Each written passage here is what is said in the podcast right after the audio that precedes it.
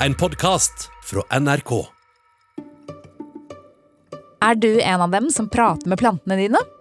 Det kan faktisk være smart, for CO2-en du puster ut mens du preiker, treffer planta direkte.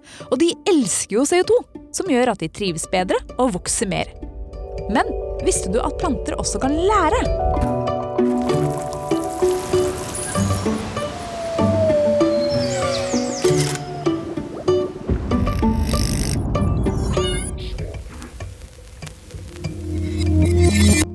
Velkommen til en ny episode av Smartere på ti minutter, der jeg, Selda, forteller deg om fakta, vitenskap, historie og andre morsomme temaer som forhåpentligvis gjør deg akkurat det, litt smartere, og det på under ti minutter. Kanskje like smart som en plante? Hør på dette.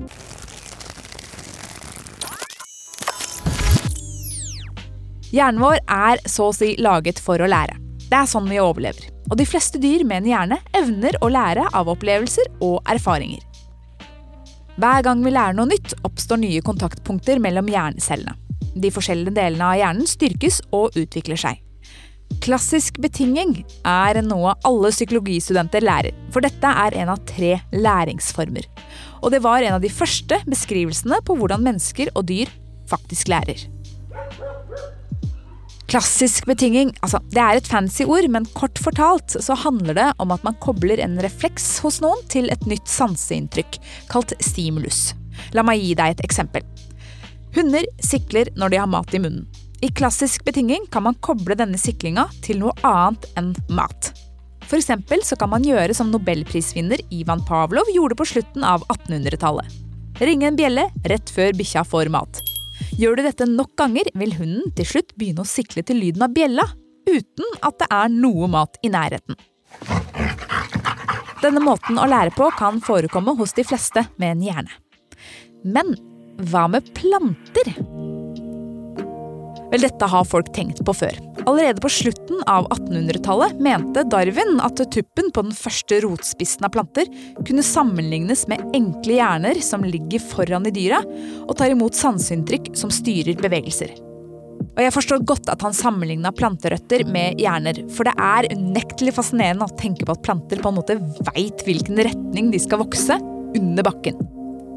Men selv om det finnes mye forskning som tyder på at de likevel kommuniserer med hverandre og vokser ut fra påvirkelser av nærmiljøet deres, så har planter verken hjerne eller hjerneceller.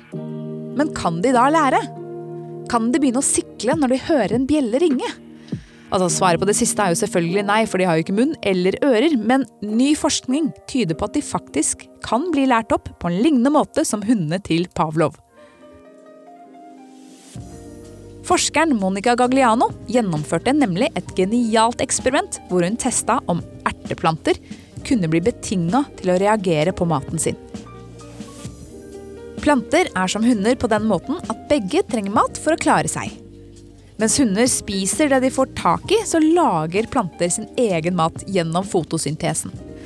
Men fotosyntesen skjer ikke av seg selv, for planter trenger noen ingredienser til å lage maten sin med. Annet karbondioksid, vann og lys. Monica plasserte erteplantene sine i et helt mørkt rom. Ingen lys slapp inn utenfra.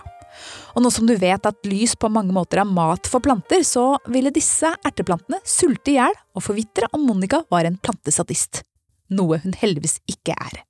For på gitte tidspunkt skrudde hun på en liten lampe. Lysets plassering under eksperimentet varierte fra sted til sted. Det betyr at noen ganger lyste det rett over plantene, noen ganger fra høyre side og andre ganger fra venstre side. Og det var helt tilfeldig hvilken retning lyset kom fra. Lyset kan altså sammenlignes med maten Pavlos hunder fikk. Men hva var bjella i dette eksperimentet? Jo, en vifte. Etter at Monica hadde mata ertene med lys en stund, begynte hun å skru på en liten vifte. Vifta blåste mot plantene fra samme retning som lyskilden, og ble skrudd på litt før lyset. Var lyset rett over plantene, blåste det først rett overfra. Var lyset til høyre, kunne erteplantene kjenne en liten bris som kom fra høyre side før lyset ble tent. Etter en liten periode med denne matingsmetoden tok Monica vekk lyset helt. Men hun beholdt vifta. Og det som skjedde så, var altså nesten magisk.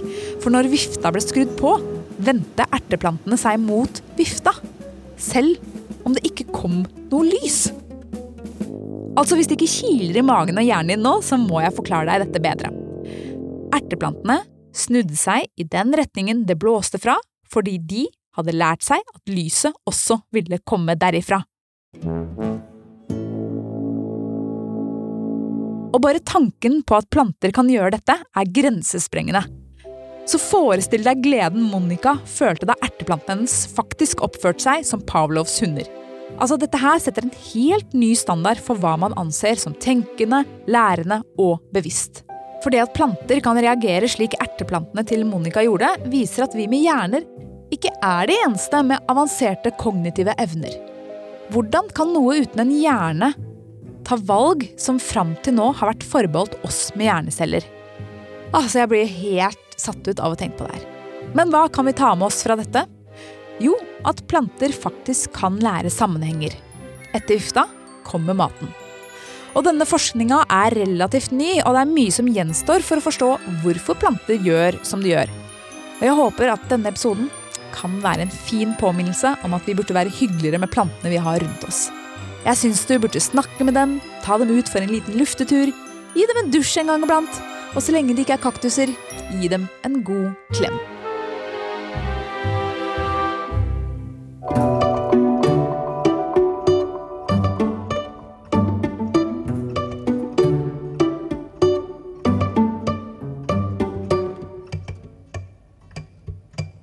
Du har hørt en podkast fra NRK. Hør flere podkaster og din favorittkanal i appen NRK Radio.